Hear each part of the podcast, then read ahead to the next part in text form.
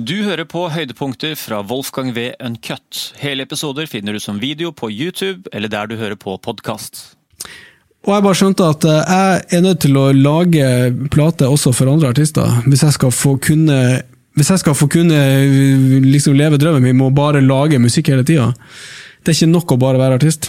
Så jeg fant ut, Da har jeg heller lyst til å ta et lite skritt tilbake og kule han litt. Jeg ikke føler at jeg må gi ut plate hvert år, eller hvert andre år, men Mm. bare prøve å være produsent og skrive for andre. Så da begynte jeg med det. Da begynte jeg sammen med så har vi en partner som jeg har jobba med i veldig mange år, som heter Amund Bjørklund, som eh, også kommer fra, fra Tromsø. Og han eh, var jo med på de to første platene mine, soloplatene mine. Og vi da begynte, jeg og han begynte å rett og slett bare skrive og produsere litt for andre artister. Og begynte i det små her i Norge. Og så eh, vi altså balla det på seg etter hvert. Og eh, gjorde jo De første par-tre årene så var det vel litt sånn måtelig suksess her i Norge. Det gikk helt greit, gikk rundt. Hadde litt sånn småhits og sånt. Og så eh, hadde vi flaks og fikk altså gjennom eh, Vi begynte å jobbe sammen med Stargate. De holdt til i Trondheim på det tidspunktet. og Vi hadde samme management som dem, og vi gjorde en del låter sammen med dem. Og vi hadde noen hits i England, både med dem og litt på egen hånd. Og, og plutselig så begynte liksom den snøballen å rulle. Og Hvordan møtte du Stargate-gutta sånn i utgangspunktet? Det? Eh, ja, det var vel rett og slett at altså Aller første gang jeg møtte Tor Erik, han var, da jobba han på uh, jobba han, Enten så jobba han i Urban, eller så jobba han Jeg lurer på om han jobba i det som heter ZTV. Var ikke en? TV-kanal? Ja. Han, han var rett og slett, om han var bare journalist eller hva han var men i hvert fall Jeg husker at han gjorde et intervju med meg for ZTV i 1995 eller noe sånt. Men eh, Men så ble jo han ansatt som A&R på Warner. Um, han var A&R på Warner i 1997 når eh, Nei, 19, jo, i 1997 når gjennombruddet mitt kom, når When Susanna Christ kom ut. Da var han nyansatt på Warner. Jeg husker at uh, den morgenen når uh, låta var gått til nummer én så, det er så lenge det her siden, da kom det inn en telefaks fra Warner. Fra da Tor Erik som, Hermansen, som var norsksjef i Warner, hvor han bare, hvor han, eh, hvor han bare sendte sånn da, Jeg kjente ikke han. Hvor han bare sendte sånn 'Gratulerer med, eh, med stor hit'. eh, Jeg husker ikke hva han sa, men det var noe sånn eh, Bra låt, eh, godt levert, bra TV-opptredener, bla, bla, bla. Internasjonalt kaliber, et eller annet sånt. Var bare sånn en jævla fin sånn Well done, liksom. Kult. Som, som, det ikke, som platebransjen i Norge ikke var jævla god til på den tida. Vi er nok en mye rausere bransje i dag, men på den tida så var det Det var ikke så ofte du fikk sånne klapp på skuldra. Men det var, sånn, det var første gang jeg på en måte hørte fra han. Og så eh, tror jeg bare vi så, Jeg lurer på om han tok kontakt med oss etter hvert og bare lurte på om vi kunne tenke oss å prøve å jobbe litt sammen med dem. De hadde jo en del greier i England da, med S-Club 7 og, og gjort de her de popstar, de her Hearsay og, og sånt. Og hadde jo ja, hadde ganske mye gæ... Og de, de her um, Åh, hva de heter altså? De her uh, All, All Rise. De Blue. Ja, Blue, ja. Ja. Var det ikke så mye sånn der, eh, om det var Adressa som var eh, de som skrev mest? Men husker det var sånn at eh, Stargate fløy inn popkjendiser eh, til Ja, den- Værnes, og inn liksom hemmelig gang. At liksom, det var noe, husker du det var noe presseoppslag på den tida der? Om det var en hemmelig gang, vet jeg ikke, men de fløy dem inn. De kom, alle de bandene kom jo til Værnes, til Trondheim for å jobbe med dem. Ja. I hvert fall, så Han tok kontakt med oss, og så begynte vi å jobbe litt sammen med dem. og så gjorde vi en del, og I og med at vi hadde samme management, så hadde vi jo veldig mye med hverandre å gjøre. Og, uh, og vi lærte jo veldig mye av dem, og så måten de jobba på. liksom Deres grad av liksom, Det var jo en, en, uh, hva skal man si, en sånn profesjonalitet på et helt nytt level for oss. ja, I norsk sammenheng. Ja, eh, ja.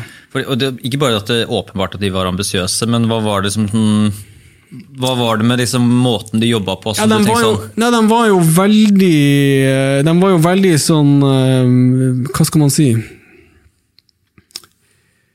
Veldig tydelige og veldig sånn eh, ikke, ikke, kynisk, men veldig sånn 'Det her funker, det funker ikke. Vi tar det bort.' Sant?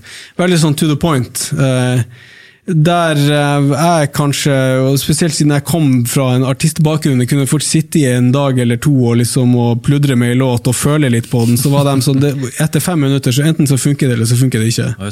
Ja, det var litt sånn beinhard sånn sett, og det er jo en ganske sånn grei skole å gå i og ha, liksom, få, få, få oppleve det fra den sida. Um, og så Sakte, men sikkert så Jo, plutselig så gjorde vi jo en låt sammen da, som endte opp eh, hos eh, Beyoncé, og ble en eh, svær hit. Men det er jo litt fram i Ja, da er du et par-tre par-tre år fram i tid. Du er vel i 2006? Og da var dere, du og Amund, stasjonert i Norge. Ja. De hadde flytta til New York. De, hadde vel, de var vel i, i prosessen med å flytte over. Ja, ok. Så det var som, og den Ja. kom i 2006? Ja, kom ikke den to, jo, men den kom i 2006. Ja. Ja, Det er jo en litt artig, har jeg hørt du har fortalt hos Kristine og Bak spakene. Ja. Det er jo en eh, veldig lang og interessant og morsom historie, og det er jo, der er det jo Ja, det er spesielt. Jeg kan ta den, altså. Den er jo vi, I utgangspunktet så skrev vi Eller han eh, Stargate var jo connecta til den labelen i, um, i New York som heter Rock, uh, som heter Rock Nation. Som er den labelen som JC har vært med å starte. ja. Og han eh, ene A&R-en der, en fyr som heter Jay Brown, han sånn Han fikk en idé om at noen burde jo lage ei countrylåt med Countrylåt med 808 beats, som han sa. Det, det, for det hadde Det eksisterte ikke. Det mente han måtte være jævla fett. Og så, eh, så, så ringte han Tor Erik og så spurte om vi liksom hadde noe um, greier som kunne funke. Så vi, så endte vi opp med at vi hadde den her gitar... eh, Eller liksom Hele gitarlinja, eller hele gitaren, ikke sant? og akkordstrukturen og låta, basically. Og Mikkel og Tor Erik la på 808-beat og, og liksom og, og liksom eh, whipped the thing into shape, og så fikk de han Neo inn til å skrive topline. For på dette tidspunktet her, så, så var det, skulle det ikke være noen Beyoncé-låt? Mm. Nei, det var ikke nei, nei, dette vi her skulle var, bare lage- eh, Dette var bare lage noe. stemmer, Vi skulle bare lage en låt, og vi tenkte egentlig vi skulle lage countrylåt. Ja. Så fikk vi han Nio inn da, til å skrive topline. Og så um, Så den første demoen av Irreplaceable er det jo han som synger uh, vokalen, da. Og så, eh, og så syns vel alle involverte at ja, det her var artig, liksom, vi får se om vi får noe traction på låta i USA. da. Så sendte, ble den sendt over til managementet vårt, og så ble den pitcha litt rundt omkring. Og aller først så var det ei eh, en artist som heter Fantasia, som er um, idoldeltaker, en gammel idoldeltaker, som skulle framføre den. Og vi tenkte at det her var jo fantastisk. Liksom, vi tenkte vi får vår første amerikanske cut, det var svært for oss. Ja. Og så, Hun hadde noen låter i et par måneder, så bare så skjedde det ingenting med den. kom aldri ut. Så vi bare bestemte oss for da tar vi den heller tilbake. Og så prøvde vi å, eller så prøvde managementet vår å shoppe den, shoppe den videre. Og så til slutt så fikk vi beskjed om at Beyoncé hadde hørt den og digga den og ville gjøre den. Og så sendte vi eh, Da ble liksom masteren sendt over fra Norge til New York, og så la hun på vokalen sin med sin tekniker i New York. Og da, når du hørte låta tilbake da, med liksom den originale produksjonen og alt, men med hennes vokal, så skjønte du at det her er big time. Og du, du, skjønte på en måte den krafta som en så stor artist har også, fordi at sant? Det, det er sikkert som å ha med han Tom Cruise på hjemmevideoen din. Plutselig så ser det ut som en eh, blockbuster. ikke sant? Bare det at hun var på låta, så hørtes låta ut som en kjempehit. Men er det noe sånn, bare det at du kjente stemmen fra før, eller er det liksom bare sånn det de absolutt største har en sånn aura som ikke lar seg beskrive Jeg-? Sånn, jeg tror- vi blir sånn der, ja, Jeg tror det er litt av begge. ja. Det, det er klart, Du kommer ikke unna at det er liksom verdens kanskje mest ikoniske popstemme. popstemme. Eh, og det er med på å liksom øke helhetsinntrykket. Men i hvert fall, hun spilte den inn, og vi var liksom i sjuende himmel. Vi tenkte at faen, det her blir svært. Og Så gikk det et par uker, og så ringte hennes manager over og så sa han at faen, jeg har dårlige nyheter, folkens. Eh, Hun eh, har ombestemt seg, hun liker den ikke likevel. Hun, Så det, vi kommer ikke til å ta den med på skiva. Dette her er sånn som skjer hele tida? Ja da, det, gan- det er relativt vanlig. Så, eh, så, jeg tenkte, så tenkte vi at åh, fader, altså, så, så nær, men så fjern. Men uh, vi, du tenk- vi tenkte vi får gå videre, da. Det er sikkert andre som vil gjøre låta. Um, og så gikk det et par nye uker, så ringte han samme kisen en gang til, og så sa han at uh, det her er litt spesielt, men hun, hun har hørt litt mer på låta og har levd litt med den, og hun har bestemt seg for at hun liker den likevel. Vi tar den med. Ok, fantastisk. Vi var tilbake på en sky, sant? Og Så gikk det nye to uker, så ringte han enda en gang og så sa han at eh, sorry, folkens, eh, den, vi, hun liker den ikke likevel. Vi tar den av. Og på det her tidspunktet så var vi liksom så, eh, så, så, så uttømt av en sånn emosjonell berg-og-dal-bane at du liksom du resignerer litt. Så da husker jeg, husker jeg tenkte sånn Ok, whatever. Det her får bare da, her, Jeg klarer ikke å forholde meg til det her lenger. Mm. Og skiva var liksom, låta var av skiva, og um, helt til altså, og den ble, jeg husker at den, Vi fikk beskjed om at den ble presentert for New York Times og Billboard Magazine, og de likte skiva, men låta vår var ikke med. Så da var løpet kjørt? Ja, løpet kjørt, ikke sant. De hadde, men de hadde lytta til en sånn pre-listening pre, pre copy, da, en sånn, en, en, ikke den offisielle utgivelsen. Mm. Og så er det da Historien som jeg har fått høre, det er at det siste kvelden før skiva skulle gå i trykken, så var han eh, produsenten som heter Swiss Beat, som da er altså, gift med Alicia Keys. Mm. Han hadde ei låt eller to med på skiva, og han var hos Sony, i, Sony Records i New York. og og så hørte han gjennom skiva, så spurte han noen hey, hvor er den låta til de nordmennene. Nei, fikk han svar. Vi har tatt den av, vi føler ikke at den passer helt. Den er litt for soft. liksom. Vi prøver å... Denne skiva skal ha en litt sånn harder edge. Og så sa han da at dere, er, dere er gæren hvis dere ikke tar den med på skiva. Det er den største hiten her. Mm. Og det at han sa det, det har vel da sannsynligvis Han, han hadde jo en veldig sånn standing i uh, Han var stor, ikke sant. Så det at han sa det, fikk dem da til å ombestemme seg i sånn siste øyeblikk, og så tok de låta vår med da som sånn nummer ti av elleve på skiva. Uh, så, så, og så kom jo skiva ut, og de slapp på én singel og to singler og tre singler, og det var vel ingen av dem som egentlig funka sånn som det noen hadde håpa. Det var sånn halvveis hits alt sammen, men mm. det var ikke til å komme unna at det var litt sånn skuffende sammenligna med det de Den forrige singelen hadde vel vært eh, Den store singelen hadde vært 'Crazy in Love', og det var liksom ja, forrige skive. ja. Og så eh, kom liksom Jeg tror de slapp den her Deja Vu, og de slapp Ring the Alarm, og de slapp vel ei låt til, og alt var sånn passelig, liksom. Mm. Ingenting satt ordentlig. Og så er det vel da noen på kontoret der som i et sånn siste desperat forsøk liksom har sagt ok, de her sånne club bangers, det funker ikke, la oss bare prøve den der gitargreia til nordmenn, eller så slipper vi den. og så, så, har de bare bestemt seg for i mangel av noe bedre å gjøre, så slapp de den, da. Og så gikk rett til nummer én, og var nummer én i ti uker. Pussig. Ja, det sånn, sånn, er det. Jeg har alltid undret meg hvorfor at det ikke finnes en slags måte å teste låter på. At jeg tenker at statene og, og det hitorienterte landskapet der at de ikke har sånn, sånn som med filmer og TV-serier, så har de jo veldig store testpaneler. Ja, men jeg, men jeg, jeg, lurer på om de gjør sånn, en del sånn call-out research også, men av og til så det her er jo bare spekulasjoner, men liksom, når du gjør call-out research, så gjør du jo Du må jo du, eh, sikte deg inn på et spesielt marked.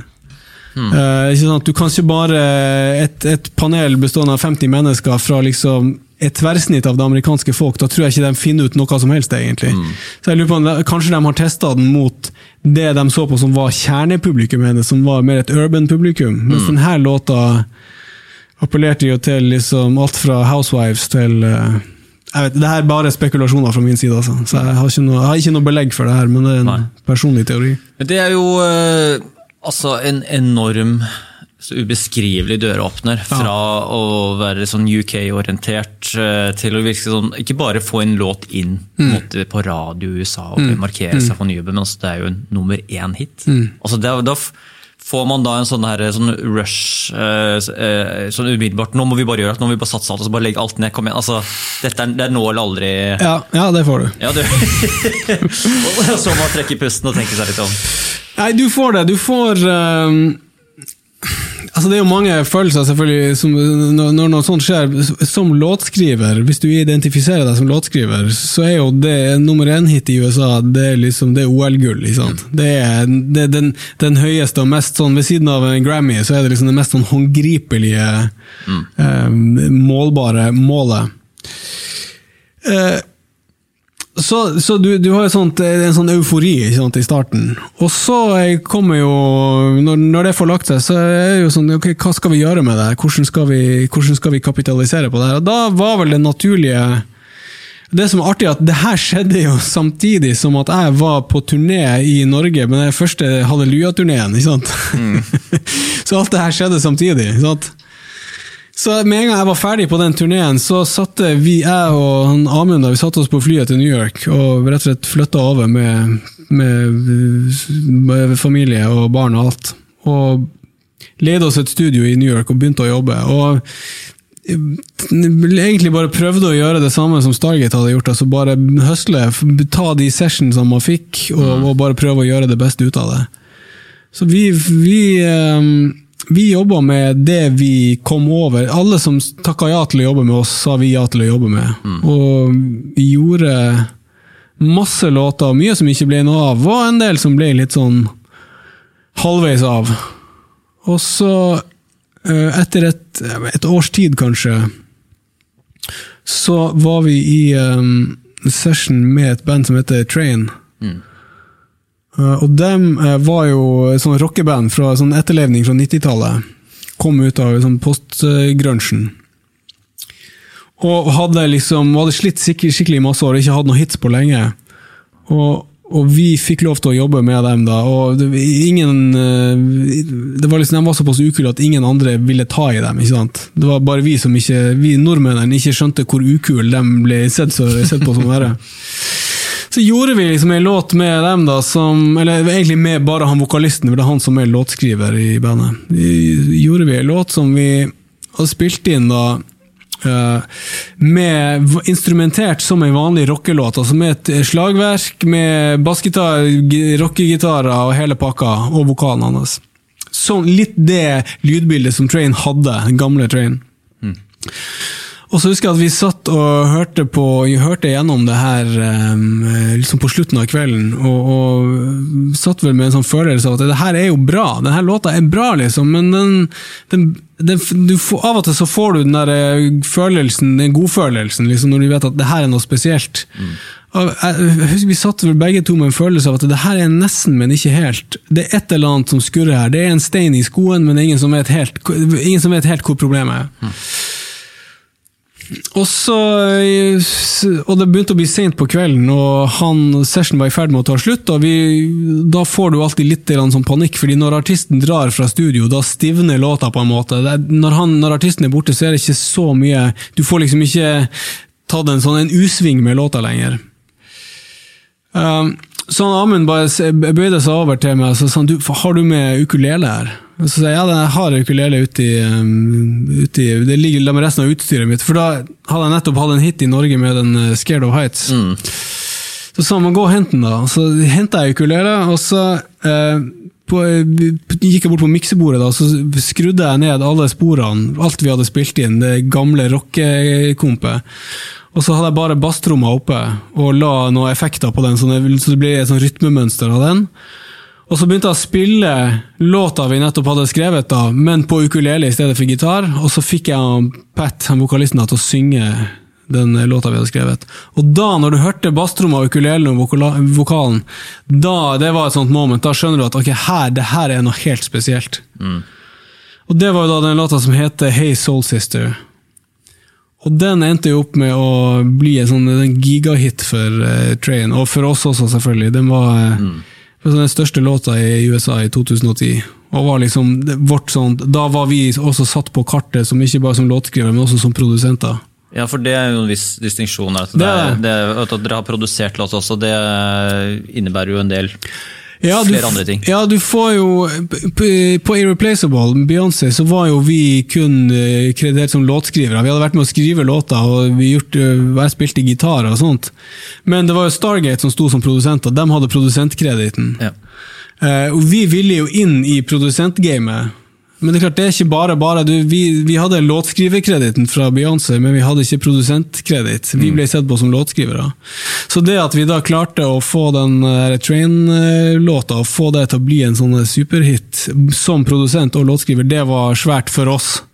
Og det, da liksom, da, da satt den endelig. Mm. Det var en, eh, så det var en eh, ganske sånn eh, en, en svær ting og en god følelse.